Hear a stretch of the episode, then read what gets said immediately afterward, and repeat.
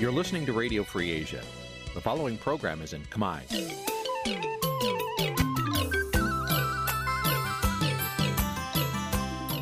នេះជាកម្មវិធីផ្សាយ Vuthu Azizi Serai នេះជាកម្មវិធីផ្សាយរបស់ Vuthu Azizi Serai ជាភាសាខ្មែរ Vuthu Azizi Serai សូមស្វាគមន៍លោកអ្នកនាងទាំងអស់ពីរដ្ឋធានី Washington នៃសហរដ្ឋអាមេរិកបាទខ្ញុំបាទយ៉ងច័ន្ទដារា សូមជម្រាបសួរលោកអ្នកនាងអ្នកស្ដាប់ Vuthu Azizi Serai ទាំងអស់ជាទីមេត្រីខ្ញុំបាទសូមជូនកម្មវិធីផ្សាយសម្រាប់ព្រឹកថ្ងៃអាទិត្យ9រោចខែស្រាប ឆ្នាំខាលចត្វាស័កពុទ្ធសករាជ2566ត្រូវនឹងថ្ងៃទី21ខែសីហា គ្រិស្តសករាជ2022បាទជាដំបូងនេះសូមអញ្ជើញអស់លោកអ្នកនាងស្ដាប់ព័ត៌មានប្រចាំថ្ងៃដែលមានមេត្តាដូចតទៅ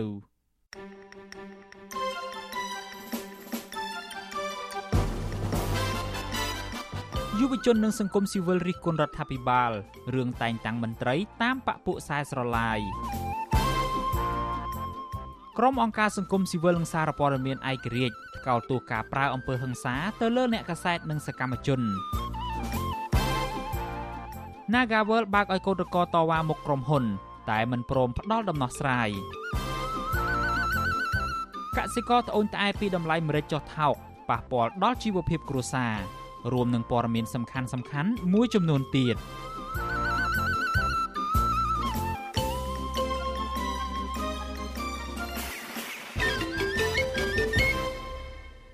បាទជាបន្តទៅទៀតនេះខ្ញុំបាទយ៉ងច័ន្ទដារាសូមជូនព័ត៌មានទាំងនេះពិស្ដា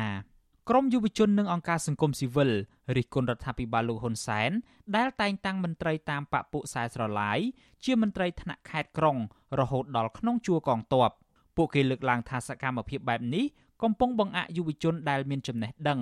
និងសមត្ថភាពមិនឲ្យមានឱកាសបម្រើប្រទេសជាតិខណៈដែលអ្នកពូកែអែបអបតែងត្រូវបានរដ្ឋាភិបាលមួយនេះលើកបន្ទប់ឲ្យមានឋានៈជាហូហែ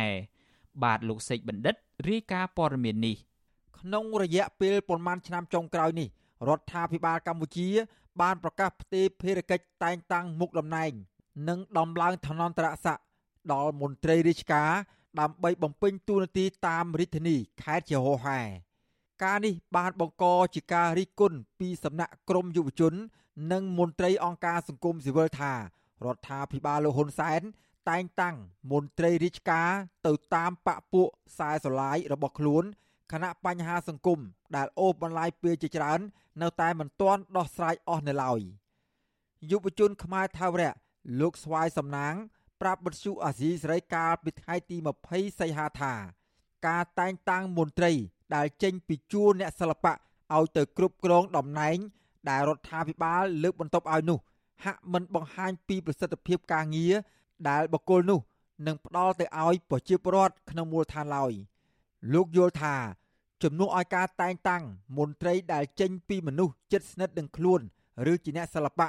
ដែលគ្មានជំនាញច្បាស់លាស់ក្នុងការងាររដ្ឋបាលជាតិរដ្ឋាភិបាល គួរតែផ្ដល់ឱកាសដល់យុវជនទូទៅ ដើម្បីបំពេញភារកិច្ចបម្រើជាតិត្បិតយុវជន ជាធនធានមានសមត្ថភាព និងចំណេះដឹងប្រកបដោយឆន្ទៈពិតប្រាកដ តែជាក់ស្ដែងរាជរដ្ឋាភិបាលគឺគាត់ជ្រើសរើសតែបពពួកអ្នកណាដែលមានលុយអ្នកណាដែលមានការទ្របយុះនៅក្នុងការជួយបំពេញតម្រូវការរបស់គាត់ហ្នឹងគឺគាត់តែងតែលើកបន្ទុកអ្នកនោះឲ្យមកកាន់តំណែងនីមួយៗរបស់ប្រទេសកម្ពុជារបស់យើងស្រដៀងគ្នានេះដែរអ្នកជំនាញខាងកសិកម្មនិងជាអ្នកតាមដានសង្គមលោកនីណាក់មើលឃើញថាពលរដ្ឋភៀកច្រើនមិនពេញចិត្តនឹងការតែងតាំងមន្ត្រីដែលធ្វើឡើងរបៀបតក់ក្រហល់ និងជ្រើសរើសយកបុគ្គលចេញពីសង្គមសិល្បៈផ្ដល់ទូនាទីឲ្យកាន់មុខតំណែងធំបែបនេះឡើយលោកបន្តថាជាពិសេសគឺលោកម៉ែនអេងឬហៅថាអេងរទ្ធីត្រូវបានមហាជនទូទៅ មិនពេញចិត្តរូបលោកនោះឡើយលោកសង្កេតឃើញទៀតថា ប្រជាពលរដ្ឋនៅតែចងចាំពីអតីតកាលរបស់លោកអេងរទ្ធីនិងលើកឡើងថារដ្ឋាភិបាលមិនគួរប្រគល់តំណែងមន្ត្រីជាន់ខ្ពស់ឲ្យទៅបុគ្គលរូបនេះឡើយ ហើយថារដ្ឋាភិបាលកំពុងខ្ជះខ្ជាយថវិកាជាតិទៅលើមន្ត្រីដែលមានមុខតំណែង តែមិនដែលមានសកម្មភាពឬស្នាដៃអ្វីមួយជួយដល់ប្រជាពលរដ្ឋនោះឡើយប៉ុន្តែជាក់ស្ដែងយើងឃើញការចល័យរបស់ក្រសួងមួយមួយគឺពោពេញទៅដោយមន្ត្រីដែលគួជើងគ្នាមិនសូវមានការងារធ្វើអញ្ចឹងវាជាបន្ទុកចំណាយមួយដ៏ធំរបស់ជាតិដែលថវិកាជាតិមិនត្រូវបានប្រើប្រាស់ឲ្យចំប្រសិទ្ធភាពទេបាទបែរជាយកទៅតែសម្រាប់គុតគង់មន្ត្រីមួយចំនួនដែលតែងតាំងច្រើនហួសពេក លោកអេងរិទ្ធី មានឈ្មោះដើមថាម៉ែនអេង ជាពិធីករនៅស្ថានីយ៍ទូរទស្សន៍បាយ័នដែលគ្រប់គ្រងដោយអ្នកស្រីហ៊ុនម៉ាណា កូនស្រីបង្ការរបស់លោកហ៊ុនសែនពិធីករសម្បូរវោហារស័ព្ទរូបនេះត្រូវបានប្រជាជនកម្ពុជាស្គាល់និងរិះគន់ទៅលើលោកយ៉ាងចាស់ដៃកាលពីអំឡុងឆ្នាំ2013នៅគ្រាដែលលោកលើកឡើងនៅក្នុងបទសម្ភាសន៍ជាមួយនឹងតារាជើងចាស់ម្នាក់ថា នៅលើទឹកដីខ្មែរគ្មានជនជាតិវៀតណាមនោះទេក្រោយមកអតីតតារាសម្ដែងរូបនេះត្រូវបានគេមើលឃើញថាទទួលបានយុស័កឋានៈទូនាទី នៅក្នុងជួររដ្ឋាភិបាល រហូតដល់ជួរកងទ័ពទៀតផង ប្រតិកម្មរបស់ក្រមយុវជននេះកើតឡើងក្រោយពេលដែលរដ្ឋមន្ត្រីក្រសួងមហាផ្ទៃលោកសខេងបានចេញប្រកាសផ្ទេរភារកិច្ចតែងតាំងមុខតំណែង និងដំឡើងឋានន្តរស័ក្តិជូនដល់មន្ត្រីរាជការចំនួន50រូប កាលពីថ្ងៃទី19ខែសីហា ក្នុងនោះ មានមន្ត្រីនគរបាល15រូបផ្ទេរភារកិច្ចនិង35រូបត្រូវបានដំឡើងឋានន្តរស័ក្តិវិទ្យុអាស៊ីសេរីនៅពុំទាន់អាចតាក់ទងប្រធានអង្គភិបអ្នកណែនាំពាក្យរដ្ឋាភិបាលលោកផៃស៊ីផាន និងអ្នកណែនាំពាក្យក្រសួងមហាផ្ទៃលោកខៀវសុភ័ក្រដើម្បីសុំការឆ្លើយតបអំពីបញ្ហានេះបាននៅឡើយទេ កាលពីថ្ងៃទី20ខែសីហាជុំវិញរឿងនេះដែរ ប្រធានសមាគមនិស្សិតបញ្ញវន្តខ្មែរលោកកើតសរាយយល់ឃើញថាការតែងតាំងដំឡើងទូនាទីមន្ត្រីផ្សេងផ្សេងនៅក្នុងជួររដ្ឋាភិបាលលោកហ៊ុនសែនមិនមែនជារឿងដែលគួរឲ្យផ្ទះផ្អើលនោះទេ ជាពិសេសនៅក្នុងសង្គមសម្បូរទៅដោយអំពើពុករលួយបែបនេះលោកបន្តថារដ្ឋាភិបាលតែងតែផ្ដល់តំណែងឬផ្ដល់ទូនាទីទៅឲ្យបុគ្គលណាដែលជិតស្និទ្ធគ្រប់គ្រងនិន្នាការនយោបាយរបស់ខ្លួន ទន្ទឹមគ្នានេះលោកថាការធ្វើដូច្នេះ มันបានជួយអ្វីដល់សង្គមកម្ពុជាឡើយក្រៅតែពីការធ្វើឲ្យមានអំពើពុករលួយកាន់តែច្រើនកើតឡើងនៅក្នុងសង្គមទោះជាមនុស្សនោះមានចំណេះដឹងប៉ុណ្ណាក៏ដោយហើយគ្មានឆន្ទៈនៅក្នុងការដោះស្រាយដាក់ទៅកន្លែងណាក៏ដោះអត់កើតដែរហើយជាពិសេសយើងមើលឃើញថារាល់ការស្អីតាំងនោះវាអត់បង្ហាញពីសមត្ថភាព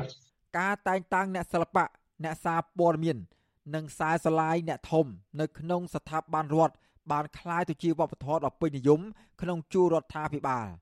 រាប់តាំងពីមន្ត្រីថ្នាក់ក្រោមជាតិរហូតដល់មេដឹកនាំកម្ពុជាកម្ពុជាក្នុងនោះក៏មានលោកនាយករដ្ឋមន្ត្រីហ៊ុនសែននិងរដ្ឋមន្ត្រីក្រសួងមហាផ្ទៃផងដែរ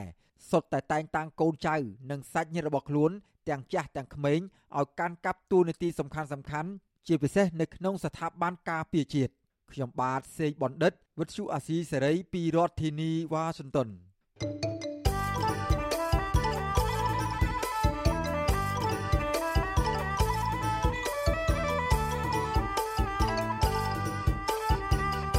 បាទលោកនៅនាងជាទីមេត្រីពាក់ព័ន្ធទៅនឹងបញ្ហាសិទ្ធិមនុស្សវិញអតីតអ្នកជាប់ឃុំ អ្នកការពារសិទ្ធិមនុស្សនិងកម្មករក្រុងជួបប្រិយសិទ្ធិពិសេសអង្គការសហប្រជាជាតិនៅសប្តាហ៍នេះដើម្បីលើកឡើងពីកង្វល់របស់ពួកគេ ស្ដីពីការរំលោភសិទ្ធិមនុស្សនៅកម្ពុជាទោះជាយ៉ាងណា មន្ត្រីរដ្ឋាភិបាលយល់ថាអ្វីដែលអតីតអ្នកជាប់ឃុំ និងមន្ត្រីអង្គការសង្គមស៊ីវិលក្រុងលើកឡើងនោះមិនឆ្លុះបញ្ចាំងពីទស្សនវិជ្ជាទូទៅរបស់កម្ពុជាទេ បាទលោកយុនសាមៀនរាយការណ៍ព័ត៌មាននេះគម្រោងជួបជុំរបស់អតីតអ្នកជាប់ឃុំនិងអ្នកការពារសិទ្ធិមនុស្សនិងកម្មករជាមួយប្រិយសិទ្ធិពិសេសអង្គការសហប្រជាជាតិនៅពេលខាងមុខនេះជាការស្នើរបស់លោកវិទិតមុនតាបនដើម្បីស្វែងយល់ពីស្ថានភាពសិទ្ធិមនុស្សនៅរយៈពេលចុងក្រោយនេះ ក្រុមអ្នកតស៊ូមតិរំពឹងថាជំនួបនោះនឹងផ្ដល់ប្រយោជន៍ក្នុងការធ្វើរបាយការណ៍របស់ប្រិយសិទ្ធិពិសេសអង្គការសហប្រជាជាតិដែលជាការជំរុញទៅរដ្ឋាភិបាលឲ្យបើកលំហសេរីភាពនិងគោរពសិទ្ធិពលរដ្ឋឡើងវិញទីប្រឹក្សាសមាគមគ្រូបង្រៀនកម្ពុជាឯករាជ្យនិងជាប្រធានសហភាពសហជីពកម្ពុជាលោករងឈុនប្រាប់វិទ្យុអស៊ីសេរីដឹងថាអ្នករាយការណ៍ពិសេសអង្គការសហប្រជាជាតិអញ្ជើញលោកទៅជួបនៅថ្ងៃទី22ខែសីហាខាងមុខនេះ លោករងឈុនបន្តថាលោកគ្រូងលើករណីជាក់ស្ដែងដែលកើតនៅកម្ពុជាតាក់ទងសេរីភាពពលរដ្ឋសិទ្ធិមនុស្សនិងលទ្ធិប្រជាធិបតេយ្យលោករងឈុនដែលតុលាការដោះលែងឲ្យនៅក្រៅឃុំបណ្ដោះអាសន្នក្រោយជាប់ពន្ធនាគាររយៈពេល1ឆ្នាំពាក់ព័ន្ធសំណុំរឿងបញ្ហាព្រំដែននោះថាលោកនឹងមិនលើកយកសំណុំរឿងរបស់លោកជាប្រធានបទសំខាន់នៃការជជែកជាមួយអ្នករាយការណ៍ពិសេសអង្គការសហប្រជាជាតិនោះទេ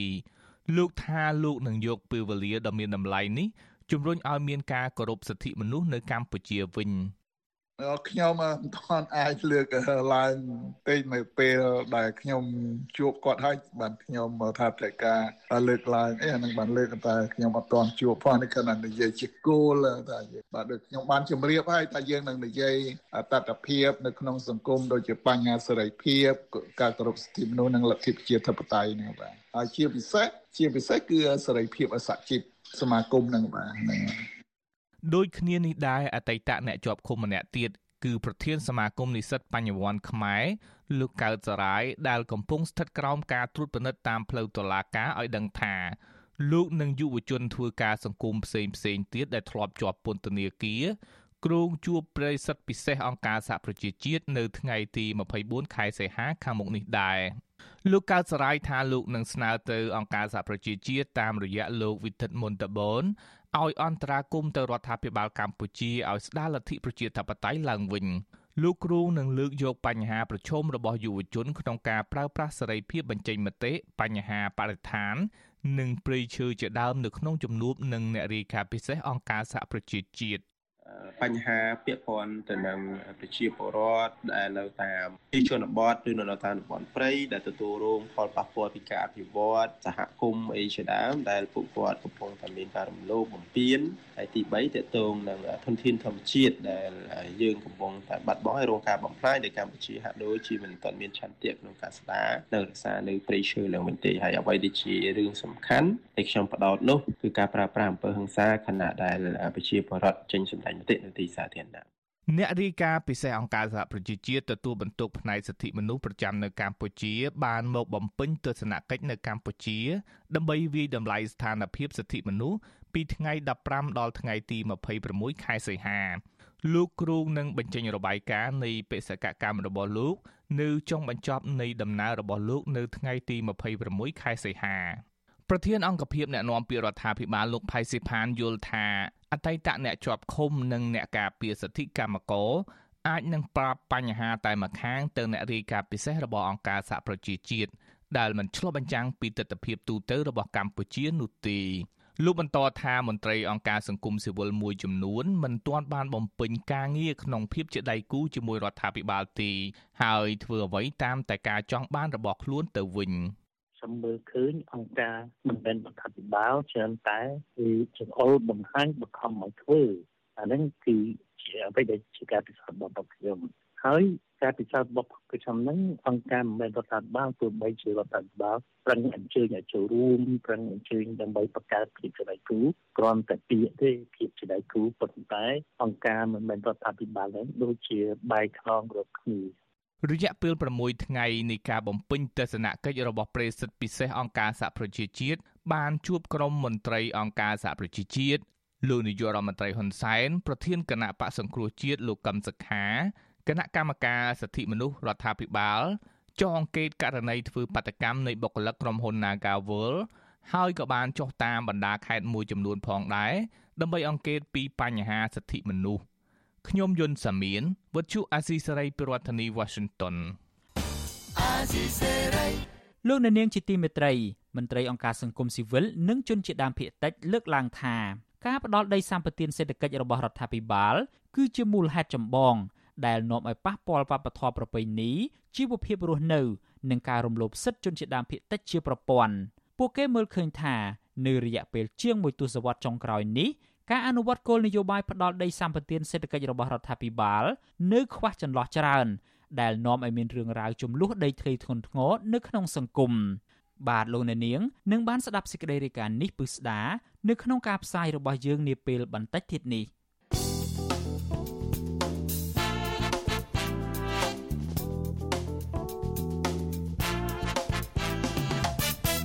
បាទលោកនៅនាងជាទីមេត្រី តកតងទៅនឹងដំណើរទស្សនកិច្ចរបស់មន្ត្រីជាន់ខ្ពស់អង្គការសហប្រជាជាតិវិញប្រធានមហាសន្និបាតអង្គការសហប្រជាជាតិលើកទី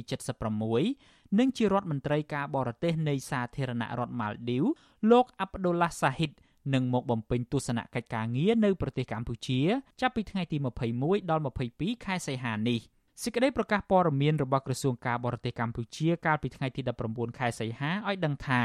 លោកអាប់ឌុលឡាសាហ៊ីតនឹងជួបពិភាក្សាជាមួយប្រធានរដ្ឋសភាលោកហេងសំរិននិងលោកនាយរដ្ឋមន្ត្រីហ៊ុនសែនបន្ថែមពីលើនេះលោកនឹងជួបពិភាក្សាជាមួយលោកអ៊ុចបូរិតរដ្ឋមន្ត្រីប្រតិភូអមនាយករដ្ឋមន្ត្រី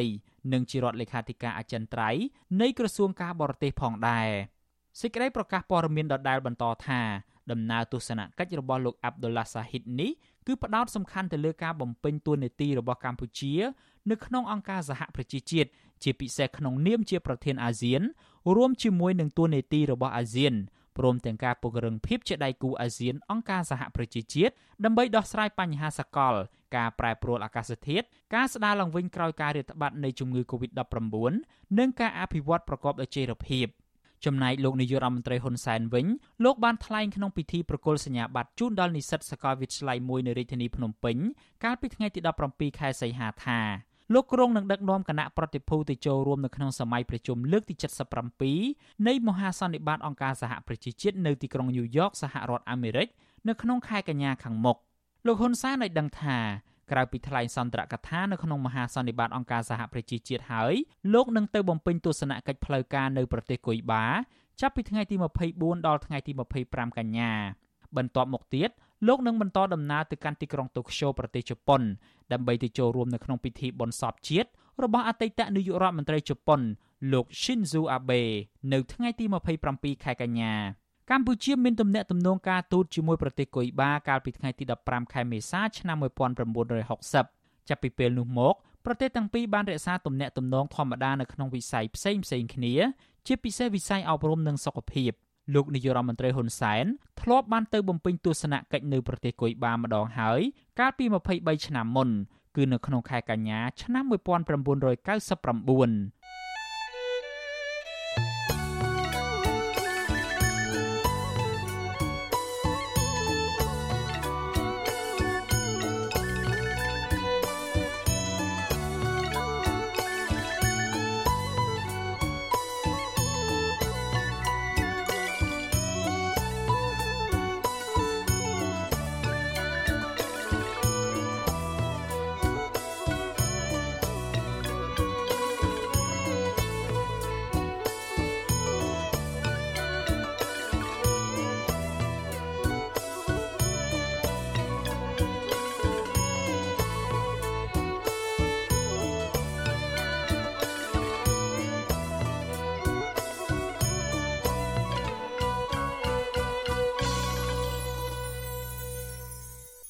លោកអ្នកនាងកំពុងស្ដាប់ការផ្សាយរបស់ Vuthu Azizi Serai ពីរដ្ឋធានី Washington សហរដ្ឋអាមេរិកតាក់ទងទៅនឹងរឿងក្តីកញ្ញាសេងធីរីវិញមេធាវីការពារក្តីឲ្យកញ្ញាសេងធីរីបានដាក់ពាក្យបណ្ដឹងទៅសាលាឧទ្ធរភ្នំពេញប្រឆាំងទៅនឹងសេចក្តីសម្រេចរបស់សាលាដំបងរាជធានីភ្នំពេញដែលបន្តឃុំខ្លួនកូនក្តីរបស់លោកមេធាវីសង្ឃឹមថាតុលាការជាន់ខ្ពស់មួយនេះនឹងសម្រេចឲ្យកូនក្តីរបស់លោកបាននៅក្រៅឃុំបណ្ដោះអាសន្នបាទសូមលោកអ្នកនាងស្ដាប់សេចក្តីរាយការណ៍នេះរបស់លោកជាតិចំណាន។ មេធាវីការពារក្តីឲ្យកញ្ញាសេងធារីកំពុងរៀបចំឯកសារដើម្បីដាក់ពាក្យបណ្ដឹងឧទ្ធរណ៍នៅសប្តាហ៍ក្រោយនេះដើម្បីឲ្យតុលាការជាន់ខ្ពស់មួយនេះដោះលែងគាត់ឲ្យនៅក្រៅឃុំបណ្ដោះអាសន្នការត្រៀមដាក់បណ្ដឹងនេះគឺបន្ទាប់ពីលោកបានសួរសុខទុក្ខកញ្ញានៅឯពន្ធនាគារខេត្តព្រះវិហារកាលពីថ្ងៃទី15ខែសីហាហើយកញ្ញាបានប្រគល់សិទ្ធិជូនលោកមេធាវីការពារក្តីឲ្យកញ្ញាសេងធីរីគឺលោកជួងជូងីប្រាប់វិសុអាស៊ីសេរីនៅរសៀលថ្ងៃទី20ខែសីហាថានៅសប្តាហ៍ក្រោយនេះ លោកនឹងដាក់លិខិតស្នើសុំទៅក្រសួងមហាផ្ទៃដើម្បីបញ្ជូនកញ្ញាពីពន្ធនាគារខេត្តព្រះវិហារមកមណ្ឌលកែប្រែទី2រាជធានីភ្នំពេញវិញនិងដាក់បណ្ដឹងឧទ្ធរដើម្បីស្នើឲ្យដោះលែងកញ្ញាឲ្យមានសេរីភាពដូចដើមវិញព្រោះកូនក្តីរបស់លោកមិនមានកំហុសដោយការចោទប្រកាន់របស់តុលាការថ្នាក់ក្រោមនោះឡើយសេចក្តីសម្ដែងរបស់សាលាដំបូងរាជធានីភ្នំពេញអត់តន់ចូលជាស្ថាប័ននៅឡើយទេដូច្នេះវាអត់តន់មានអំណាចអនុវត្តនៅឡើយទេដោយហេតុថាកញ្ញាសេងចន្ទគិរីបាន ប្រគល់សិទ្ធិឲ្យខ្ញុំបដូរទៅរួចហើយដូច្នេះសេចក្តីសម្រេចពាក់ព័ន្ធនឹងគាត់នឹងអត់តន់ស្ថាប័ននៅឡើយទេកាលណាអត់តន់ស្ថាប័នអត់តន់អាចយកទៅអនុវត្តបានទេអញ្ចឹងការដែលសាលាដំបូងរាជធានីភ្នំពេញចាប់គាត់ដាក់ពន្ធនាគារនឹងមិនមែនជាការត្រឹមត្រូវទេកាលពីថ្ងៃទី18ខែសីហាក្រុមសមាជិកសភានិងសមាជិកព្រឹទ្ធសភាសហរដ្ឋអាមេរិកដែលមានលោក Edward Mackey ជាប្រធានដឹកនាំក្រុមបានចេញសេចក្តីថ្លែងការណ៍រួមមួយពេលបញ្ចប់ទស្សនកិច្ចនៅកម្ពុជា ថាសហរដ្ឋអាមេរិកស្នើឲ្យរដ្ឋាភិបាលកម្ពុជា ដោះលែងក្រុមអ្នកទោសនយោបាយទាំងអស់ជាពិសេសកញ្ញាសេនធីរីដើម្បីបើកលំហលទ្ធិប្រជាធិបតេយ្យឡើងវិញនិងអនុញ្ញាតឲ្យអ្នកនយោបាយដែលរដ្ឋាភិបាលចោទប្រកាន់ទាំងអស់ចូលរួមប្រកួតប្រជែងក្នុងការបោះឆ្នោតជ្រើសរើសតំណាងរាស្ត្រក្នុងឆ្នាំ2023ខាងមុខជុំវិញបញ្ហានេះដែរប្រធានសមាគមនិស្សិតបញ្ញវន្តខ្មែរលោកកើតសារាយល់ឃើញថាប្រសិនបរដ្ឋាភិបាលនៅតែព្យាយាមរឹតបន្តឹងផ្នែកនយោបាយទៅលើសកម្មជនគណៈបកសង្គ្រោះជាតិហើយនៅតែទាញសកម្មជនសិទ្ធិមនុស្សឲ្យចូលក្នុងចំនួននយោបាយ អាចធ្វើឲ្យប្រទេសលោកសេរីដាក់ទណ្ឌកម្មបន្ថែមទៀតមកលើកម្ពុជាលោកបន្ថែមថានៅពេលដែលកម្ពុជារងទណ្ឌកម្មសេដ្ឋកិច្ចកាន់តែធ្ងន់នោះបន្ទាត់ភាពក្រីក្ររបស់កម្ពុជាដែលមានស្រាប់នឹងកាន់តែដុនដាបជាងនេះទៅទៀត នៅតែបន្តការចាប់ខ្លួនរដ្ឋបិទសិទ្ធិសេរីភាពមនុស្សបន្តទៀតនេះបើសិនជាមិនមានការប្រែប្រួលទេកម្ពុជានឹងជួបនៅឧបសគ្គច្រើនហើយដូចជាយើងមើលឃើញថ្មីថ្មីនេះ GSP របស់សហរដ្ឋអាមេរិកដែលផ្ដល់ជូនមកដល់កម្ពុជាសម្រាប់ប្រទេសដែលកំពុងស្ថិតនៅក្នុងការអភិវឌ្ឍគឺមិនទាន់មានសញ្ញាណាមួយដែលអាមេរិកបានព្រមផ្ដល់ឲ្យតទៅទៀតទេអាញាធរក្រុងភ្នំពេញបានចាប់ខ្លួនអ្នកជំនាញផ្នែកច្បាប់និងកិច្ចការអន្តរជាតិកញ្ញាសេងធីរី ដែលតែងតែប្រឆាំងនឹងរបបផ្ដាច់ការរបស់លោកហ៊ុនសែនកាលពីព្រឹកថ្ងៃទី14ខែមិថុនាក្រោយពេលដែលសាលាដំបូងរាជធានីភ្នំពេញប្រកាសសារក្រមផ្ដន្ទាទោសកញ្ញាឲ្យជាប់ពន្ធនាគារ6ឆ្នាំពីបទញុះញង់និងរួមគំនិតក្បត់ដែលពាក់ព័ន្ធនឹងរឿងផែនការវិលចូលស្រុករបស់ប្រធានស្ដីទីគណៈបកសង្គ្រោះជាតិលោកសំរងស៊ីកាលពីថ្ងៃទី9ខែវិច្ឆិកាឆ្នាំ2019គណៈពេលនោះដែរតុលាការ បានចោទប្រកាន់ថ្នាក់ដឹកនាំនិងសកម្មជនគណៈបកសង្គ្រោះជាតិប្រមាណ50នាក់ផ្សេងទៀតដោយផ្ដន្ទាទោសឲ្យជាប់ពន្ធនាគារពី5ទៅ8ឆ្នាំទោះជាយ៉ាងណាក្រុមអង្គការជាតិនិងអន្តរជាតិរួមទាំងប្រទេសប្រជាធិបតេយ្យធំធំដូចជាសហរដ្ឋអាមេរិកចាត់ទុកថាចំណាត់ការរបស់តុលាការនេះគឺជាការប្រឌិតចោទប្រកាន់ដែលគ្មានមូលដ្ឋានច្បាប់និងទាមទារឲ្យអាជ្ញាធរកម្ពុជាទម្លាក់ចោលការចោទប្រកាន់និងប្រកល់សេរីភាពជូនអ្នកជាប់ឃុំទាំងនោះវិញខ្ញុំបាទជាចំណាន Visual Assisray ប្រធានាទី Washington បាទលោកនាងជាទីមេត្រីពាក់ព័ន្ធទៅនឹងឧក្រិដ្ឋកម្មលើប្រព័ន្ធបច្ចេកវិទ្យាវិញកម្លាំងជំនាញនៃនាយកដ្ឋានប្រឆាំងបទល្មើសបច្ចេកវិទ្យាបានឃាត់ខ្លួនយុវជនម្នាក់ពាក់ព័ន្ធទៅនឹងករណីបង្ហោះ Facebook ផ្ដល់សេវាកម្មស៊ីឈ្នួលសម្រាប់មនុស្សការឃាត់ខ្លួននេះធ្វើឡើងបន្ទាប់ពីជនសង្ស័យឈ្មោះវុតសុមាណាភេទប្រុសអាយុ18ឆ្នាំមុខរបរមិនពិតប្រាកដនិងស្នាក់នៅរាជធានីភ្នំពេញបានបង្កើតគណនី Facebook คล้ายៗឈ្មោះម៉ាណាប្រទេពស៊ីន ដោយដាក់ចំណងជើងថា មានទទួលកំងសម្រាប់មនុស្សបាញ់លេងសោះងាប់មែនតែននិងបង្ហោះលក់បិចកំភ្លើងចៅក្រមស៊ើបសួរនៃសាលាដំបងរាជធានីភ្នំពេញលោកហុងសុគន្ធវឌ្ឍនាកាលពីថ្ងៃទី20ខែសីហាបានចេញដីកាបង្គាប់ឲ្យឃុំខ្លួនជនសង្ស័យនេះបណ្ដោះអាសន្នពីបទពាក់ព័ន្ធនឹងករណីញុះញង់ឲ្យប្រព្រឹត្តបទឧក្រិដ្ឋជាអាតតាមរយៈការបង្ហោះដោយផ្ដាល់សេវាកម្មទទួលស៊ីឈ្នួលសម្រាប់មនុស្សប្រធាននាយកដ្ឋានប្រឆាំងបទល្មើសបច្ចេកវិទ្យា លោកឧត្តមសេនីយ៍ឯកជាពៅឲ្យដឹងថាកម្លាំងជំនាញបានសហការជាមួយកម្លាំងនៃស្នងការដ្ឋាននគរបាលរាជធានីភ្នំពេញបានឃាត់ខ្លួនជនសង្ស័យកាលពីថ្ងៃទី17ខែសីហាក្រោយពីបានសាកសួររួចសមត្ថកិច្ចបានកសាងសំណុំរឿងបញ្ជូនទៅតុលាការហើយចៅក្រមស៊ើបសួរនៃតុលាការក្រុងភ្នំពេញក៏បានចេញដីកាបង្គាប់ឲ្យឃុំខ្លួនជាបណ្ដោះអាសន្ន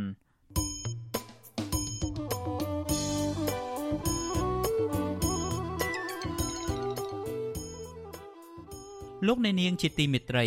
ដំណើរគ្នានឹងស្ដាប់ការផ្សាយវិទ្យុអាស៊ីសេរីតាមបណ្ដាញសង្គម Facebook និង YouTube លោកអ្នកនាងក៏អាចស្ដាប់កម្មវិធីផ្សាយរបស់វិទ្យុអាស៊ីសេរីតាមរលក ធាតុអាកាសខ្លីឬ Shortwave តាមកម្រិតនិងកម្ពស់ដូចតទៅនេះពេលព្រឹកចាប់ពីម៉ោង5កន្លះដល់ម៉ោង6កន្លះតាមរយៈរលក ធាតុអាកាសខ្លី12140 kHz ស្មើនឹងកម្ពស់ 25m និង13715 kHz ស្មើនឹងកម្ពស់ 22m ពេលយប់ចាប់ពីម៉ោង7កន្លះដល់ម៉ោង8កន្លះតាមរយៈរលកធាតុអាកាសខ្លី9960 kHz ស្មើនឹងកម្ពស់ 30m 12140 kHz ស្មើនឹងកម្ពស់ 25m និង11885 kHz ស្មើនឹងកម្ពស់ 25m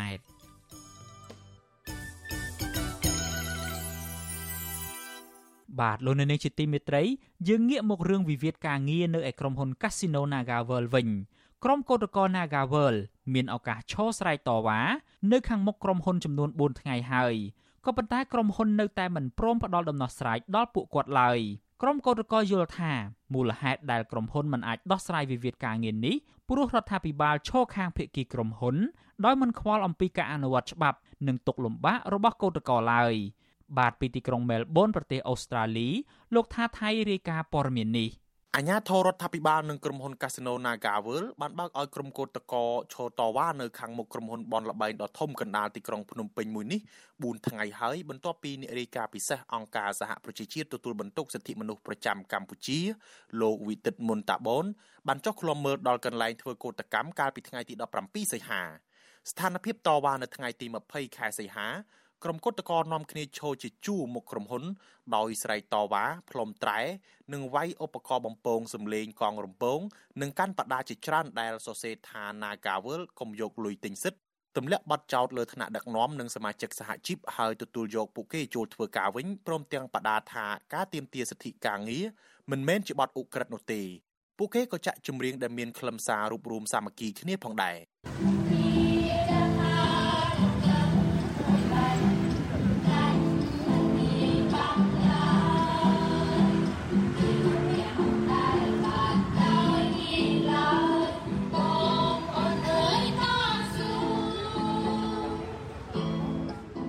ចំណែកក្រុមហ៊ុន Naga World វិញក៏ពង្រាយសន្តិសុខរាប់សិបនាក់និងដាក់បារះដើម្បីរារាំងកុំឲ្យក្រុមកោតក្រសម្រុកចូលក្នុងក្រុមហ៊ុនទន្ទឹមគ្នានេះអាជ្ញាធរក្រុងភ្នំពេញរួមមានទាំងស្លៀកពាក់ស៊ីវិលនិងឯកសណ្ឋានបានដើរថតមុខក្រុមកោតក្រនិងគម្រាមប្រើហិង្សាជាដើមកោតក្រ Naga World ម្នាក់កញ្ញាជូបសភ័ណ្ឌរៀបរាប់ថាពួកគាត់សោកស្ដាយដែលក្រុមហ៊ុននិងរដ្ឋាភិបាលរក្សាភាពស្ងៀមស្ងាត់មិនចេញមុខដោះស្រាយវិវាទការងារជូនពួកគាត់អរគុណខាងរាយការណ៍ពិសេសដែរបងក៏មានគាត់ក៏ខ្ញុំក៏បានចូល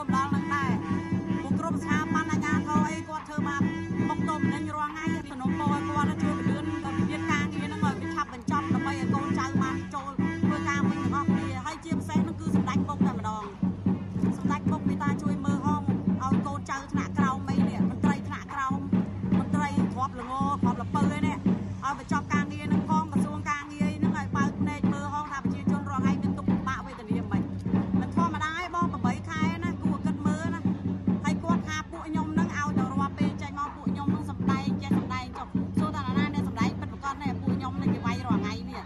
ការស្វែងរកដំណោះស្រាយដែលមិនអាចប្រសពគ្នាដោយសារភាគីកូតកោទាមទារសុំចូលធ្វើការវិញប៉ុន្តែក្រុមហ៊ុននិងក្រសួងការងារបដិសេធទទួលយកវិញដោយសារអ្នកទាំងនោះជាសមាជិកសហជីពក្រុមហ៊ុនលើកហេតុផលថាជួបវិបត្តិហិរញ្ញវត្ថុទើបបញ្ឈប់បុគ្គលិកជាង1000នាក់ក៏ប៉ុន្តែក្រុមហ៊ុនបែរជាប្រកាសជ្រើសរើសបុគ្គលិកថ្មីដើម្បីជំនួសបុគ្គលិកដែលកំពុងតវ៉ាគឧតកោចាត់ទុកថាចេតនារបស់ក្រុមហ៊ុនដែលមិនព្រមទទួលយកពួកគាត់ចូលធ្វើការងារវិញនេះ ព្រោះចង់លុបបំបាត់ចលនាសហជីពឯករាជ្យដែលងាយស្រួលសម្រាប់ក្រុមហ៊ុននៅថ្ងៃក្រោយមិនចាំបាច់ឈឺក្បាលវិលមុខចំពោះការទាមទារអត្ថប្រយោជន៍ផ្សេងផ្សេងរបស់បុគ្គលិកហើយក្រុមហ៊ុនអាចកេងប្រវ័ញ្ចកម្លាំងពលកម្មនិងធ្វើអ្វីអ្វីស្រេចតែចិត្តគណៈករនាការវិលម្នាក់ទៀតលោកស្រីសែមសុគាថ្លែងថាការប្រើគ្រប់វិធីរបស់អាជ្ញាធរនិងក្រុមហ៊ុនដើម្បីធ្វើទុកបុកម្នេញនិងរារាំងក្រុមគឧតកោបែបណាក៏ដោយក៏មិនអាចបញ្ឈប់ការតស៊ូទាមទារយុត្តិធម៌របស់ពួកគាត់បានឡើយលោកស្រីបន្ថែមថាប៉ុន្មានថ្ងៃនេះ អាញាធមមិនប្រើហិង្សាបំបែកពួកគាត់ទំនងជាដោយសារអ្នករាយការណ៍ពិសេសអង្គការសហប្រជាជាតិកំពុងមានវត្តមាននៅកម្ពុជាសំណូមពរដល់សម្ដេចពុកឲ្យគាត់ជួយដោះស្រាយវិវាទការងារនេះផងហើយនឹងសំណូមពរឲ្យខាងសន្តិសុខណាកាអីអស់ហ្នឹងគឺពួកគាត់កុំធ្វើបាបកតកពេកព្រោះពួកយើងសុទ្ធតែខ្មែរដូចគ្នាទេ ជុំវិញរឿងនេះវិទ្យុអាស៊ីសេរីមិនអាចតាក់ទងប្រធានអង្គភិបអ្នកនាំពាក្យរដ្ឋាភិបាលលោកផៃស៊ីផាននិងអគ្គលេខាធិការរងនៃអគ្គលេខាធិការដ្ឋានគណៈកម្មការសម្រាប់ដោះស្រាយបញ្ហាបាតុកម្មកោតកម្មនៅក្រុមមុខសញ្ញាលោកទេសរុក្ខាផលបានទេនៅថ្ងៃទី20សីហាក្រសួងការងារធ្លាប់បានលើកឡើងនៅក្នុងសេចក្តីប្រកាសព័ត៌មានចុះថ្ងៃទី12សីហាថា ក្រសួងធ្លាប់បានកោះអញ្ជើញភាគីទាំងពីរជួបចរចាជាច្រើនលើកដើម្បីស្វែងរកលទ្ធភាពសម្របសម្រួលក៏ប៉ុន្តែវិវាទនេះមិនសះជាឡើយដោយសារភាគីសហជីពបន្តទាមទារឲ្យក្រុមហ៊ុនទទួលយកកម្មករនិយោជិតដែលនៅសេសសល់ជាង100នាក់ចូលធ្វើការវិញប៉ុន្តែក្រុមហ៊ុនបដិសេធដោយយល់ព្រមទូទាត់ប្រាក់សំណងតាមច្បាប់ជំនួសវិញក្រសួងការងារក៏ស្នើឲ្យភាគីទាំងពីរយោគយល់គ្នាខ្ពស់ដើម្បីចូលរួមដោះស្រាយបញ្ចប់វិវាទនេះ អ្នកគ្រប់គ្រងកម្មវិធីការងារនៃមជ្ឈមណ្ឌលសម្ព័ន្ធភាពការងារនិងសិទ្ធិមនុស្សហៅកាត់ថាសង្ត្រាល់លោកខុនថារ៉ូមានប្រសាសន៍ថា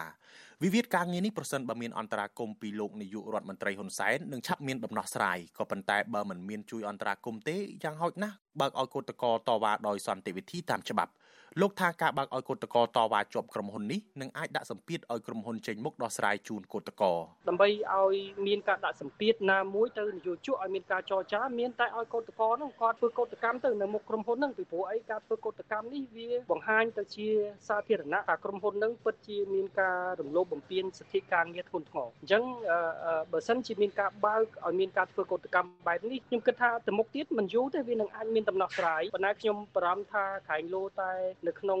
វត្តមាននៃអ្នករាយការណ៍ពិសេសរបស់អង្គការសហជីវជាតិកំឡុងពេលដែលធ្វើការវិតម្លៃទៅលើស្ថានភាពសិទ្ធិមនុស្សនៅក្នុងប្រទេសកម្ពុជានាពេលបច្ចុប្បន្ននេះរយៈពេល8ខែមកនេះការតស៊ូធ្វើកោតកម្មអហិង្សារបស់កោតក្រ Nagawal មិនត្រឹមតែគ្មានដំណោះស្រាយនោះទេថែមទាំងទទួលរងនឹងការរំលោភសិទ្ធិការចាត់ប្រកាន់តាមផ្លូវតុលាការការប្រើប្រាស់ហិង្សាវេដំទាត់ធាករហូតស្ត្រីខ្លះបែកមុខបែកមាត់និងស្ត្រីម្នាក់រលូតកូនក្នុងផ្ទៃ អ្នកខ្លំមើលយល់ថាមូលហេតុដែលក្រុមហ៊ុន Nagawal ដែលមានប្រវត្តិធ្វើទុកបុកម្នេញសហជីពមួយនេះពន្យាពេលដោះស្រាយវិវាទការងារព្រោះក្រុមហ៊ុនអាងខ្នងរដ្ឋាភិបាលលោកហ៊ុនសែននឹងរងការចោទថាមានទំនាក់ទំនងផលប្រយោជន៍រួមគ្នាទៀតផងក្រុមគឧតកោលើកឡើងថាវិវាទការងារនេះទាល់តែមានបញ្ជាពីលោកហ៊ុនសែនទើបអាចដោះស្រាយបានក៏ប៉ុន្តែមកទល់ពេលនេះលោកហ៊ុនសែនដែលតាំងខ្លួនជាបរិះមានបេះដូងមនុស្សធម៌ប៉ុនមហាសមុទ្រនោះបែរជាធ្វើមិនឃើញចំពោះសម្រែកទៀមទាដំណោះស្រាយដល់ស្ត្រីគឧតកោរាប់សិបនាក់ ទាំងដែលនៅក្បែរភូមិគ្រឹះរបស់លោកខ្ញុំថាថៃពីទីក្រុងមែលប៊នលោកអ្នកនាងជាទីមេត្រី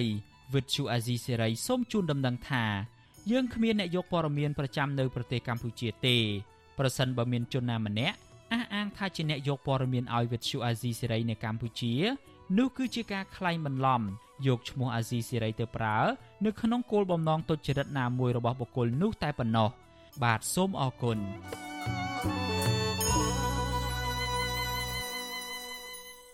បាទលោកនាងជាទីមេត្រីជុំវិញរឿងភ្នំតាម៉ៅវិញសកម្មជនបរិស្ថាននិងមន្ត្រីអង្គការសង្គមស៊ីវិលសាទរចំពោះព្រះរាជក្រឹត្យដែលដាក់ព្រៃតំបន់ភ្នំតាម៉ៅឲ្យទៅជាឧទ្យានសួនសត្វព្រៃការពារនិងសួនភូតគាមភ្នំតាម៉ៅ សកម្មជននិងមន្ត្រីសង្គមស៊ីវិលយល់ឃើញថាការចេញព្រះរាជក្រឹត្យនេះគឺជាអំណះអំណាងកាន់តែច្បាស់ថាព្រៃតំបន់ភ្នំតាម៉ៅនឹងត្រូវបានការពារក៏ប៉ុន្តែពួកគេស្នើសុំឲ្យក្រុមអង្គរៈដែលយាមកាមតំបន់នោះអនុញ្ញាតឲ្យប្រជាជន និងអ្នកសារព័ត៌មានចូលតាមដានការអភិវឌ្ឍនោះផង បាទសូមលោកអ្នកនាងស្ដាប់សេចក្តីរាយការណ៍នេះរបស់អ្នកស្រីម៉ៅសុធីនីដូចតទៅ សកម្មជនចលនាមេដាធម្មជាតិកញ្ញាភួនកែរស្មី ប្រាប់បច្ចុប្បន្នស៊ីស្រីថាកញ្ញារីរាយនៅពេលដែលបានឃើញបរិជ្ជក្រិតព្រោះវាគឺជាឯកសារផ្លូវច្បាប់មួយដែលបានបញ្ជាក់យ៉ាងច្បាស់ថាប្រៃនៅតំបន់ភ្នំតាម៉ៅនឹងត្រូវបានអភិរក្សកញ្ញាបន្ថែមថាទោះជាយ៉ាងណាបរិជ្ជក្រិតនេះ គ្រាន់តែជាឯកសារផ្លូវច្បាប់តែប៉ុណ្ណោះហើយមហាជនគួរបន្តចូលរួមតាមដានដំណើរការអភិវឌ្ឍដី នៅតំបន់ភ្នំតាម៉ៅទៀតពីព្រោះកន្លងមកបើទោះបីជាដីព្រៃអភិរក្សដែលមានបរិយាក្រិតការពារក៏ដោយក៏ត្រូវបានក្រុមហ៊ុនឯកជន កាប់ព្រៃយកធ្វើជាដីឯកជនបានដែរ ជាមួយគ្នានេះកញ្ញាក៏បានទំនុំពរដល់សាធារណជនឲ្យចូលរួមបញ្ចេញមតិស្នើសុំដល់រដ្ឋាភិបាលឲ្យដកហូតកោះកុងក្រៅពីក្រុមហ៊ុនឯកជន មកជាទ្រព្យសម្បត្តិរដ្ឋវិញផងដែរពួកយើងក៏កំពុងតែមានយុទ្ធនាការមួយក្នុងការទៀមទាឲ្យមានការដាក់កោះកុងក្រៅជាឧឈានសមុទ្រដូចគ្នាអញ្ចឹងយើងសង្ឃឹមថានឹងទទួលបានការទៀមទាទាំងអស់នឹងពីប្រជាពលរដ្ឋដូចគ្នាព្រោះកោះកុងក្រៅក៏ជាសម្បត្តិធនធាននៅក្នុងស្រុកខ្មែរដូចគ្នា ស្រដៀងគ្នានេះដែរសកម្មជន ខ្មែរថាវរៈកញ្ញាឈឿនដារវីសាទរចំពោះបរិជ្ជក្រិតដែលការពីប្រៃនៅតំបន់ភ្នំតាម៉ៅកញ្ញានិយាយថាបរិជ្ជក្រិតនេះគឺជាលទ្ធផលដែលបានមកពីសម្លេងមហាជន ដែលមានភាពក្លាហានហ៊ានបញ្ចេញមតិយោបល់តាមបណ្ដាញសង្គមរហូតដល់ថ្នាក់ដឹកនាំរដ្ឋាភិបាលផ្លាស់ប្ដូរគំនិត កញ្ញាឈឿនដារាវីបន្ថែមថាទោះជាយ៉ាងនេះក្តីរដ្ឋាភិបាលគួរអនុញ្ញាតឲ្យសកម្មជនបរិស្ថានផ្សេងផ្សេងនិងប្រជាប្រដ្ឋទូទៅ បានចូលរួមដាំដើមឈើ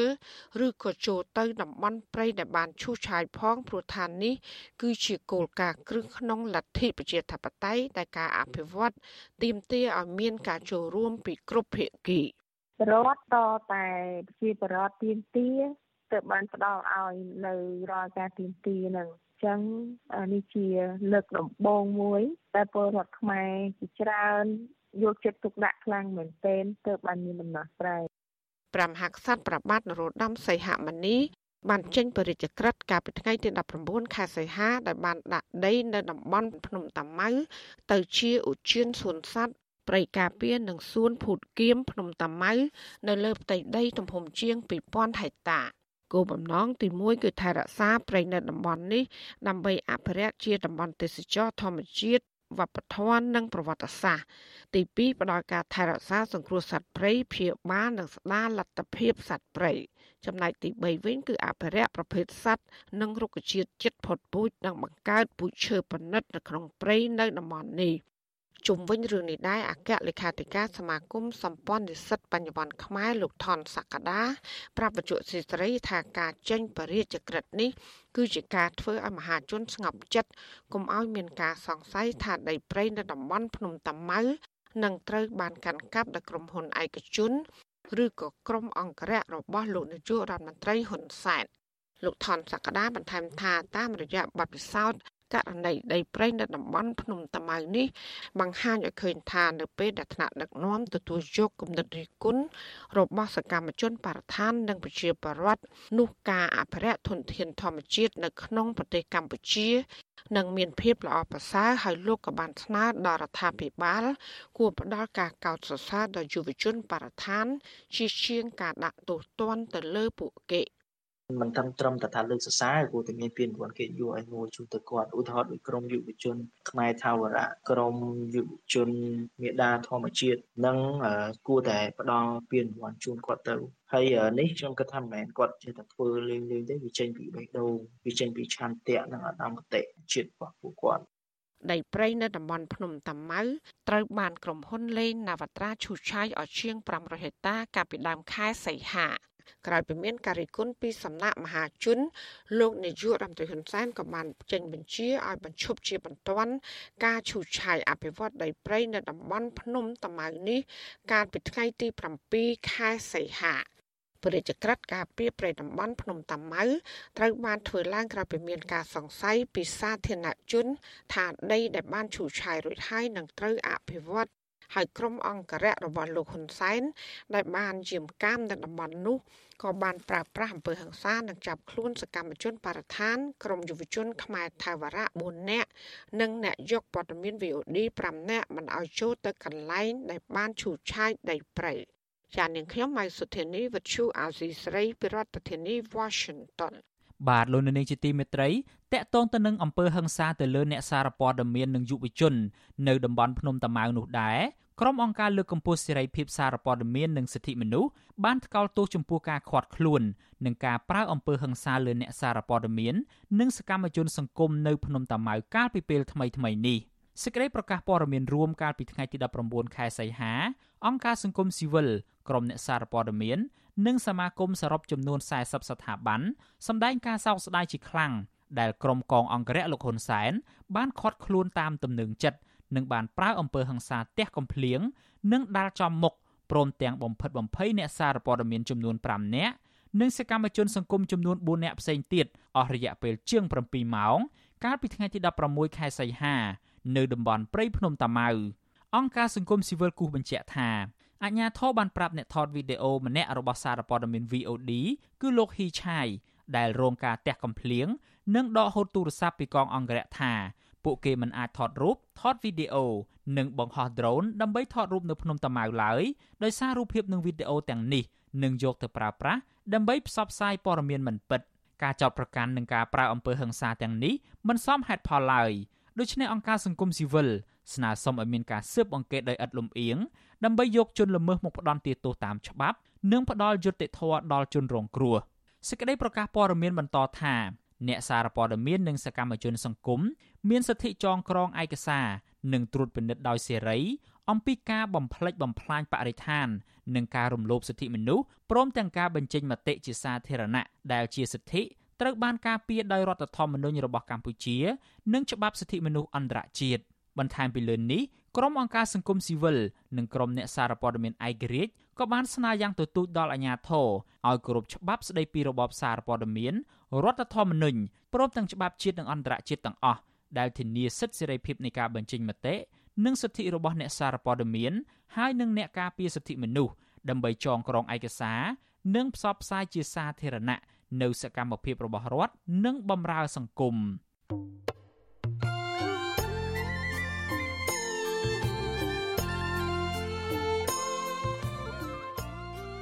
លោកអ្នកនាងជាទីមេត្រី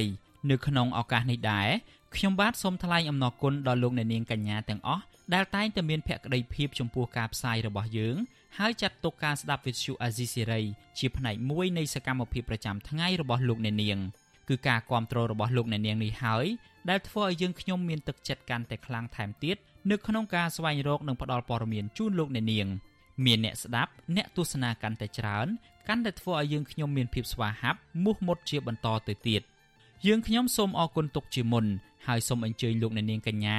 ចូលរួមជំរុញឲ្យសកម្មភាពផ្តល់ព័ត៌មានរបស់យើងនេះឲ្យកាន់តែជោគជ័យបន្ថែមទៀតលោកអ្នកនាងអាចជួយយើងខ្ញុំបានដោយគ្រាន់តែចុចចែករំលែកឬ Share ការផ្សាយរបស់យើងនៅលើបណ្ដាញសង្គម Facebook និង YouTube ទៅកាន់មិត្តភ័ក្តិដើម្បីឲ្យការផ្សាយរបស់យើងបានទៅដល់មនុស្សកាន់តែច្រើន បាទសូមអរគុណ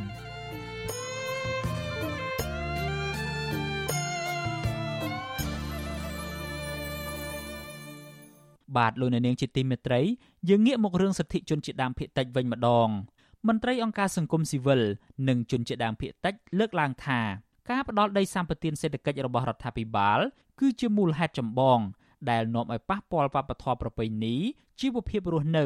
និងការរំលោភសិទ្ធិជនជាតិដើមភាគតិចជាប្រព័ន្ធពួកគេមើលឃើញថានៅរយៈពេលជាងមួយទសវត្សរ៍ចុងក្រោយនេះការអនុវត្តគោលនយោបាយផ្ដាល់ដីសម្បត្តិសេដ្ឋកិច្ចរបស់រដ្ឋាភិបាល នៅខ្វះចន្លោះច្រើន ដែលនាំឲ្យមានរឿងរ៉ាវចំនួនដីធ្លីធ្ងន់ធ្ងរនៅក្នុងសង្គមបាទសូមលោកអ្នកនាងស្ដាប់សេចក្តីរាយការណ៍មួយទៀតរបស់លោកថាថៃអំពីរឿងនេះដូចតទៅមន្ត្រីសង្គមស៊ីវិលនិងជនជាតិដើមភាគតិចមើលឃើញថាការផ្ដល់ដីសម្បត្តិសេដ្ឋកិច្ចរបស់រដ្ឋាភិបាលគឺជាដើមចមប៉ះពាល់សេដ្ឋកិច្ចពលរដ្ឋចំនួនដីធ្លីការបដិងផ្ដាល់សកម្មភាពកាប់ឈើខុសច្បាប់និងការធ្លាក់ចុះនៅទំនៀមទម្លាប់វប្បធម៌របស់ជនជាតិដើមភាគតិចគ្រប់តំបន់លើសពីនេះ ក្រុមហ៊ុនដែលទទួលអាជ្ញាប័ណ្ណដីសម្បត្តិសេដ្ឋកិច្ចពីរដ្ឋាភិបាលស្ទើរតែទាំងអស់មិនបានអនុវត្តត្រឹមត្រូវតាមកិច្ចសន្យាវិនិយោគនោះទេធ្វើឲ្យជនជាតិដើមភាគតិចធ្លាក់ខ្លួនក្រីក្រដោយសារការរំលោភដីធ្លីដីអាស្រ័យផល ដីសហគមន៍និងដីចំការវិលជុំជាដើមចំណែកសម្បត្តិធនធានធម្មជាតិដែលពួកគាត់ធ្លាប់អាស្រ័យផលគេពីឪពុកម្ដាយបានទទួលរងការកាប់បំផ្លាញឥតឈប់ឈរ តំណាងសហគមន៍ជុតជាតិដើមភេតិចកាចករស់នៅឃុំតាឡាវស្រុកអណ្ដូងមាសខេត្តរតនគិរីលោកសលសើយប្រាប់វិទ្យុអាស៊ីសេរីថាតាំងពីមានវត្តមានក្រុមហ៊ុនសម្បត្តិសេដ្ឋកិច្ចហងអញ្ញឡាយវិនិយោគដីនៅតំបន់ពុលោករស់នៅទំហំជិត20000ហិកតាកាលពីឆ្នាំ2010ធ្វើឲ្យជនជាតិដើមភាគតិចរាប់ពាន់គ្រួសារលំបាកវេទនាជីវភាពក្រីក្រ និងបាត់បង់ទីកន្លែងអាស្រ័យផលចិញ្ចឹមជីវិតលោកបានថែមថាក្រុមហ៊ុននេះធ្វើឲ្យប៉ះពាល់ប្រព័ន្ធសេដ្ឋកិច្ចរបស់ជនជាតិដើមភាគតិចយ៉ាងធំធេង រួមមានបាត់បង់ព្រៃអាស្រ័យផលកន្លែងខ្វៀលគោក្របីព្រៃអារក្សនិងព្រៃកប់សពជាដើមនៅវងដូចជាប៉ះពាល់ដូចជាគោក្របីហើយប៉ុន្តែអូរឿងអូរឿងទឹកនោះប៉ុន្តែប៉ះពាល់ច្រើនអញ្ចឹងនៅវងនៅតែលូលទាំរហូតនឹងប្រជាពលរដ្ឋនោះទី3វាប៉ះពាល់ទឹកនឹងគេបាញ់ថ្នាំបាញ់អីគេឈូសលុបល្អក់រហូតអញ្ចឹងណា បុរសដដែលបន្ថែមថាមកទល់ពេលនេះព្រៃស្រងផ្ដល់ប្រយោជន៍សម្បូរបែបដល់អ្នកភូមិរួមទាំងព្រៃអរិយដែលពួកគេបានគោរពបូជាបានក្លាយជាចំការកៅស៊ូរបស់ក្រុមហ៊ុនវៀតណាមអស់ស្ទើរទាំងស្រុងលោកថាកន្លងទៅក្រុមហ៊ុនឈូសឆាយបំផ្លាញព្រៃកប់សពព្រៃអរិយលុបអូរធម្មជាតិនិងកាយគំតិចភ្នំជាច្រើនធ្វើឲ្យអ្នកភូមិខឹងសម្បាប្តឹងអាជ្ញាធរឲ្យជួយដោះស្រាយប៉ុន្តែមិនបានផលនោះទេចំណែកតំណាងសហគមន៍ជនជាតិដើមភាគតិចគួយនៅខេត្តព្រះវិហារលោកស្រីទេពទឹមសង្កេតឃើញថា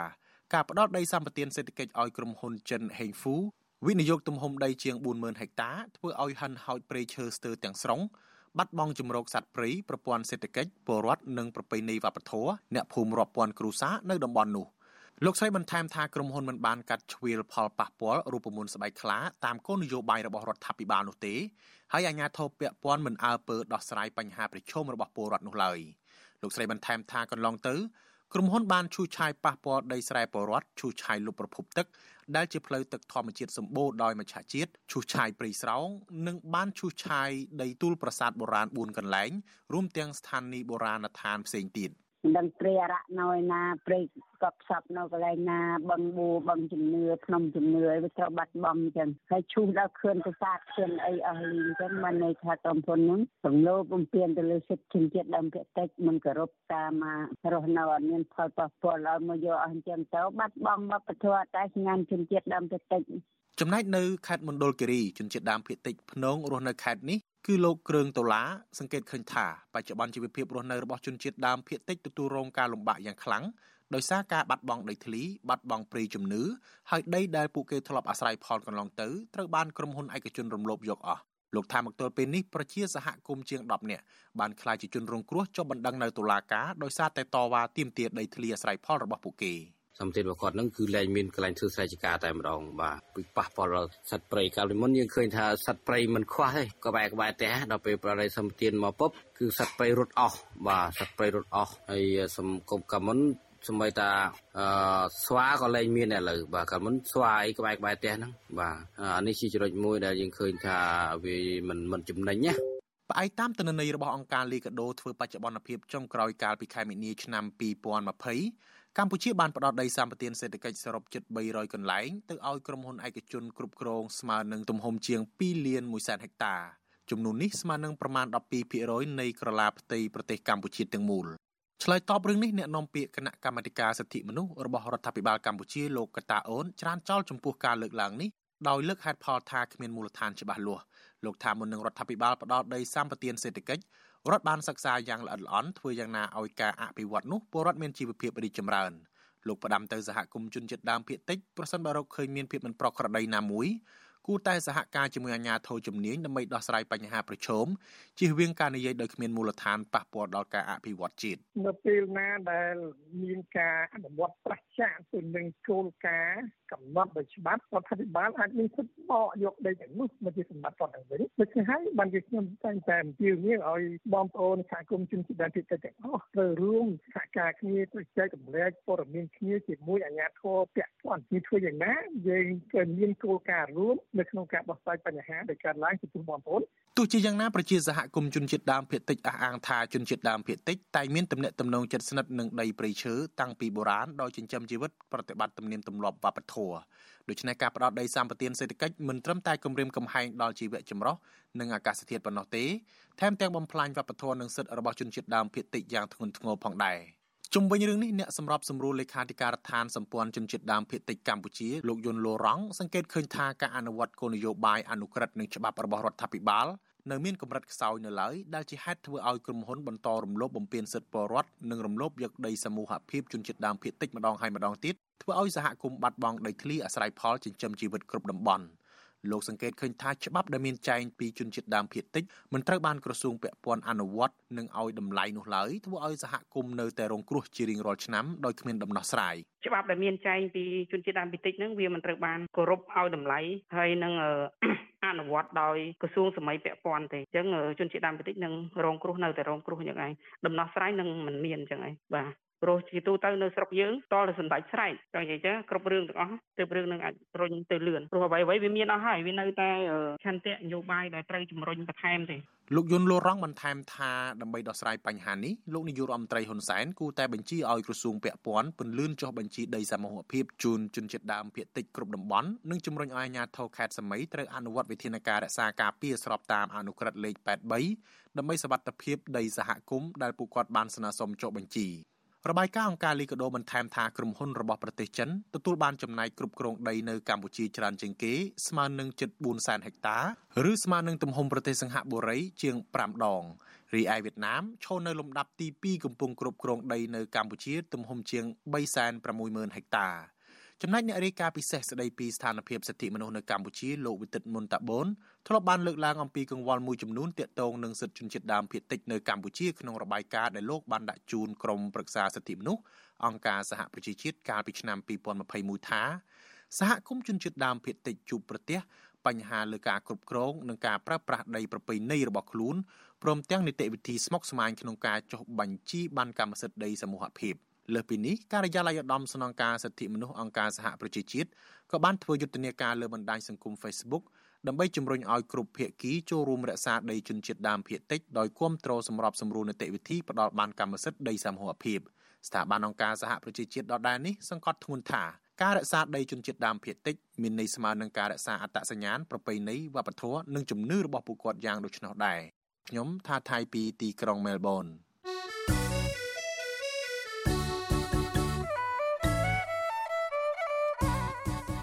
លោកអ្នកនាងកញ្ញាជាទីមេត្រីក្រៅពីការតាមដានកម្មវិធីផ្សាយរបស់ Vuthu Azizi Serai តាមបណ្ដាញសង្គម Facebook YouTube Telegram លោកអ្នកនាងក៏អាចតាមដានកម្មវិធីផ្សាយរបស់យើងតាមរយៈបណ្ដាញសង្គម Instagram របស់អាស៊ីសេរីបានដែរតាមរយៈតំណ link www.instagram.com/rfa ខ្មែរ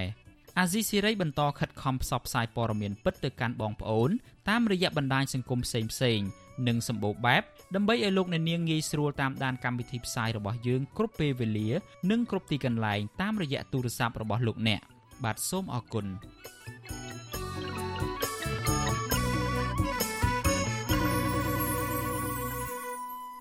បាទលោកអ្នកនាងជាទីមេត្រីយើងងាកមករឿងជីវភាពរបស់ប្រជាកសិករវិញ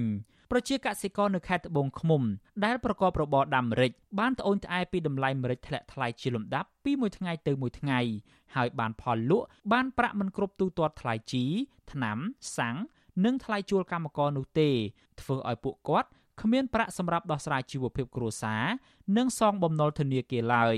កសិករខ្លះចង់បោះបង់មុខរបរដាំម្រេចនេះចោលហើយងាកមកដាំដំណាំផ្សេងវិញ ដែលងាយរកទីផ្សារនិងលក់បានថ្លៃជាមួយគ្នានេះ ពួកគាត់ចង់បានការណែនាំពីមន្ត្រីជំនាញខាងកសិកម្មចុះមកបង្ហាញបន្ថែម អំពីវិធីថែទាំផលដំណាំឲ្យលូតលាស់បានល្អបាទសូមលោកអ្នកនាង ស្ដាប់សេចក្តីរាយការណ៍ពិស្ដារមួយទៀតរបស់អ្នកស្រីម៉ៅសុធានី អំពីរឿងនេះដូចតទៅប្រជាកសិករនៅខេត្តត្បូងឃ្មុំមួយចំនួនជួបបញ្ហាជីវភាពខ្វះខាតដោយសារដំណាំម្រេចរបស់ពួកគាត់ដាំដុះមិនសូវបានផល ហើយពិបាកក្នុងការថែទាំធ្វើឲ្យដំណាំម្រេចភាគច្រើនងាប់អស់ និងពេលប្រមូលផលលក់ក្នុងតម្លៃថោកជាងឆ្នាំមុនមុនកសិករអះអាងថាដំណាំម្រេចពិបាកដាំ និងពិបាកថែទាំជាងដំណាំដទៃទៀតដែលតម្រូវឲ្យកសិករយកចិត្តទុកដាក់និងចំណាយពេលវេលាច្រើនដើម្បីមើលថែទាំហើយបើបណ្ដេតបណ្ដោយនឹងមិនអាចទទួលបានផលនោះឡើយ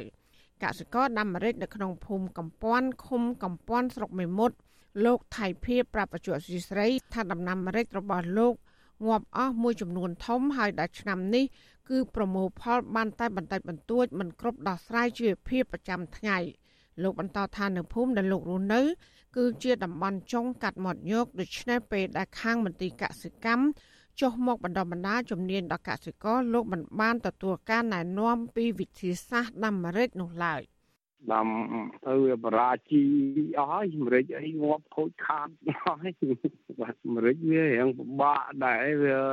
អានេះវាថែអត់ដល់ក៏ងាប់ជីស្ទើក៏ងាប់ជីជ្រុលក៏ងាប់ដល់អញ្ចឹងរៀងពិបាកដែរម្រេចវាយើងកសិករវាដូចអត់បានច្បាស់លាស់ចេះតាមតាមគ្នាលោកថៃភៀបញ្ជាក់ទៀតថាមានប្រជាកសិករខ្លះបានបោះបង់ចោលដំណាំម្រេចនេះហើយងាកមកដាំដំណាំផ្សេងចំនួនវិញ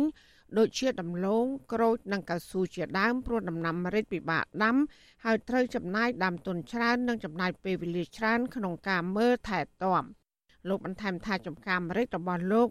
នៅសល់ប្រមាណជា400ចន្លង់ហើយទៅថ្ងៃមុខទៀតលោកនឹងអាចបោះបង់ការដាំម្រេចនេះដែរព្រោះលោកបានខាត់ដើមទៅលើដំណាំម្រេចនេះអស់ច្រើនដងមកហើយលោកបន្តថាលោកបានដាំដំណាំម្រេចនេះអស់រយៈពេល11ឆ្នាំមកហើយ។ ហើយកាលពីពេលមុនមុនម្រេចបានថ្លៃប្រមាណជា40000រៀលទៅ50000រៀលក្នុង1គីឡូក្រាមប៉ុន្តែឥឡូវធ្លាក់ថ្លៃនៅត្រឹមប្រមាណ10000រៀលក្នុង1គីឡូក្រាមតែប៉ុណ្ណោះស្រដៀងគ្នានេះដែរកសិករដាំម្រេចម្នាក់ទៀតរស់នៅឃុំក្រែកស្រុកពញាក្រែកលោកម៉ៅសំអាតប្រាប់ថាលោកបានដាំដំណាំម្រេច តាំងពីឆ្នាំ2014រហូតមកហើយដែលពេលដាំក្នុងឆ្នាំដំបូងនោះម្រេចលក់បានថ្លៃគឺតម្លៃពី40000ទៅជាង40000រៀលក្នុង1គីឡូក្រាមប៉ុន្តែឥឡូវធ្លាក់ថ្លៃមកនៅត្រឹម8000រៀលទៅ10000រៀលតែប៉ុណ្ណោះហើយម្រេចរបស់លោកប្រមូលបានផលតិចតួចព្រោះងាប់អស់ជាច្រើនជន្លង់លោកបន្តថាម្រេចខូចខាតអស់ច្រើនដោយសារតែថែទាំមិនបានដិតដល់ ព្រោះត្រូវចំណាយពេលដើម្បីតាមដានឲ្យបានច្រើន ហើយចំណាយលើថ្លៃថ្នាំ និងជីក៏ច្រើនទៀត។លោកបន្ថែមថាមួយវិញទៀតគឺមកពីដើមកស៊ូរបស់អ្នកជិតខាង បានគ្របមិនលុបលើជន្លង់អាមេរិកជាហេតុធ្វើអាមេរិករបស់លោកមិនសូវហុចផលនិងធ្វើអាមេរិកងាប់អស់មួយចំនួនធំហើយលោកក៏បានសម្រេចចិត្តចោលរបរដាំអាមេរិកនេះតែម្ដងលោកបន្ថែមថាលោកដាំអាមេរិកនៅលើផ្ទៃដី40អា ក៏ប៉ុន្តែបច្ចុប្បន្នលោកងាកមកបណ្ដុះកូនកស៊ូលក់វិញ តែខាតអស់ដើមទុនម្ដងទៀតស្របពេលដែលលោកជំពាក់ប្រាក់ធនាគារសងគេនៅមិនទាន់អស់នៅឡើយងារដោយសារវាចេះតែងាប់ពេកចេះតែងាប់ពេកហើយដល់ថាយើងយើងបដោះកស៊ូនៅក្នុងនោះទៅយើងបានលតិនផលកស៊ូមួយឆ្នាំពីមុនពីឆ្នាំមុនមកចេះតែគួសមដែរអញ្ចឹងណាយើងក៏សម្រេចបោះបង់អាតំណាមរិចនឹងចោលទៅដល់មួយឆ្នាំនេះយើងធ្វើកស៊ូទៅជាបរាជ័យវិញឆ្លើយតបនឹងបញ្ហានេះ ប្រធានការិយាល័យសេដ្ឋសាស្ត្រនិងផលិតភាពកសិកម្មខេត្តត្បូងឃ្មុំ លោកដុកសាវឿនលើកឡើងថាករណីដែលម្រេចរបស់ប្រជាកសិករចេះតែងាប់នោះគឺមកពីកសិករមួយចំនួនមិនទាន់បានទទួលការបណ្ដុះបណ្ដាលពីមន្ត្រីជំនាញខាងកសិកម្មហើយពួកគាត់ចេះតែដាំដុះតាមគ្នាដោយគ្មានជំនាញច្បាស់លាស់លោកថាម្យ៉ាងវិញទៀតកសិករមើលថែទាំមិនបានដិតដល់ទើបធ្វើឲ្យដំណាំម្រេចមិនសូវហុចផល លោកបញ្ជាក់ទៀតថាប៉ះសិនបើមានកសិករចង់បានការណែនាំពីខាងមន្ទីរកសិកម្មនោះខាងមន្ទីរនឹងបញ្ជូនមន្ត្រីជំនាញដើម្បីចុះទៅបង្រៀនកសិករដល់មូលដ្ឋាន។ អាការដាំដុះនៅឲ្យកសិករគាត់បោះបង់ចោលយូរហើយហើយអ្នកដែលធ្វើល្អគេនៅតែល្អអញ្ចឹងមកពីគាត់អត់ថែទាំហ្នឹងបានវាតែងាប់អីអញ្ចឹងណាហើយអ្នកដែលគេថែទាំគេនៅតែល្អអញ្ចឹងគេនៅតែបានផលលុកអញ្ចឹងឯងបាទហើយអាងាប់ហ្នឹងដោយសារគាត់អត់ថែទាំគាត់ទុកចោលបានវាងាប់ណាមិនមែនមកពីគាត់ថែទាំហើយអស់លទ្ធភាពហើយឬក៏ប៉ះបច្ចេកទេសទេអាហ្នឹងវាទាក់ទងនឹងកត្តាបានថាគាត់បោះបង់ចោលបានន័យថាគាត់អត់ថែទាំតែម្ដងបាទបានជាវាងាប់អញ្ចឹងបាទហើយឥឡូវនេះអាមេរិកក៏វារៀងតម្លៃក៏វារៀងគូសមមកវិញដែរអញ្ចឹងណាបាទជុំវិញរឿងនេះដែរប្រធានសម្ព័ន្ធសហគមន៍កសិករកម្ពុជាលោកថេងសាវឿនយល់ឃើញថាមន្ត្រីខាងមន្ទីរកសិកម្មតាមភូមិឃុំ គួរតែយកចិត្តទុកដាក់ឲ្យបានច្រើនក្នុងការផ្ដល់ចំណេះជំនាញដល់ប្រជាកសិករលើផ្នែកដាំដុះជាជាងមកបន្ទោសកសិករថាមិនចេះមើលថែដំណាំ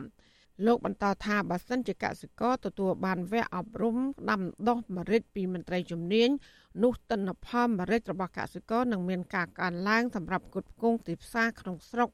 និងអាចនាំចេញទៅបរទេសបានច្រើនហើយអាចឲ្យកសិករបន្តរបរដាំម្រេចនេះបានយូរអង្វែងទៅមុខ។ អញ្ចឹងអាជ្ញាធរនឹងឯងដែលជាមន្ត្រីវិជ្ជាទេសមន្ត្រីជំនាញត្រូវចុះធ្វើការណែនាំនិងដោះស្រាយបញ្ហាជូនដល់ប្រជាពលរដ្ឋកុំឲ្យ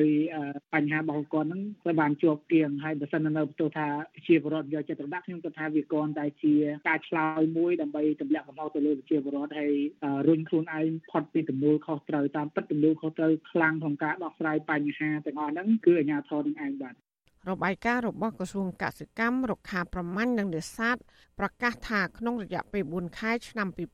2022គឺចាប់ពីខែមករាមកដល់ខែមេសាកម្ពុជាបាននាំចេញម្រេចចំនួនជិត4000តោនហើយបើប្រៀបធៀបរយៈពេលដូចគ្នា កាលពីឆ្នាំ2021កម្ពុជានាំចេញម្រេចកើនឡើងជិត80%ប្រពន្ធដដែលឲ្យដឹងទៀតថាក្នុងនោះការនាំចេញទៅប្រទេសវៀតណាមគឺ មានបរិមាណច្រើនជាងប្រទេសដទៃដែលមានជិត4000តោនអាល្លឺម៉ង់ជិត300តោនម៉ាឡេស៊ីជាង13តោនបែលហ្សិកជាង8តោនបារាំងជាង8តោន និងប្រទេសជប៉ុន ជាង2តោនជាដើមហើយកម្ពុជា សង្ឃឹមថានឹងអាចនាំចេញទិន្នផលអាមេរិកកាន់តែច្រើនបន្ថែមទៀតសម្រាប់គុតគង់ទីផ្សារអន្តរជាតិទៅថ្ងៃអនាគតចាននាងខ្ញុំម៉ៃសុធានីវិទ្យុអាស៊ីស្រីប្រធានាធិបតី Washington លោកអ្នកនាងជាទីមេត្រីវិទ្យុអាស៊ីសេរីសូមជូនដំណឹងថាយើងគ្មានអ្នកយកព័ត៌មានប្រចាំនៅប្រទេសកម្ពុជាទេប្រសិនបើមានជនណាម្នាក់អះអាងថាជាអ្នកយកព័ត៌មានឲ្យវិទ្យុអាស៊ីសេរីនៅកម្ពុជានោះគឺជាការក្លែងបន្លំយកឈ្មោះអាស៊ីសេរីទៅប្រើនៅក្នុងគោលបំណងទុច្ចរិតណាមួយរបស់បុគ្គលនោះតែប៉ុណ្ណោះបាទសូមអរគុណ thank you លោកអ្នកនាងជាទីមេត្រីការផ្សាយរយៈពេល1ម៉ោងរបស់វិទ្យុអាស៊ីសេរីនៅព្រឹកនេះចប់ត្រឹមតែប៉ុណ្ណេះយើងខ្ញុំសូមជូនពរដល់លោកអ្នកនាងព្រមទាំងក្រុមគ្រួសារទាំងអស់ឲ្យជួបប្រកបតែនឹងសេចក្តីសុខចម្រើនរុងរឿងកុំបីឃ្លៀងឃ្លាតឡើយខ្ញុំបាទយ៉ងច័ន្ទដារាព្រមទាំងក្រុមការងារទាំងអស់នៃវិទ្យុអាស៊ីសេរីសូមអរគុណនិងសូមជម្រាបលា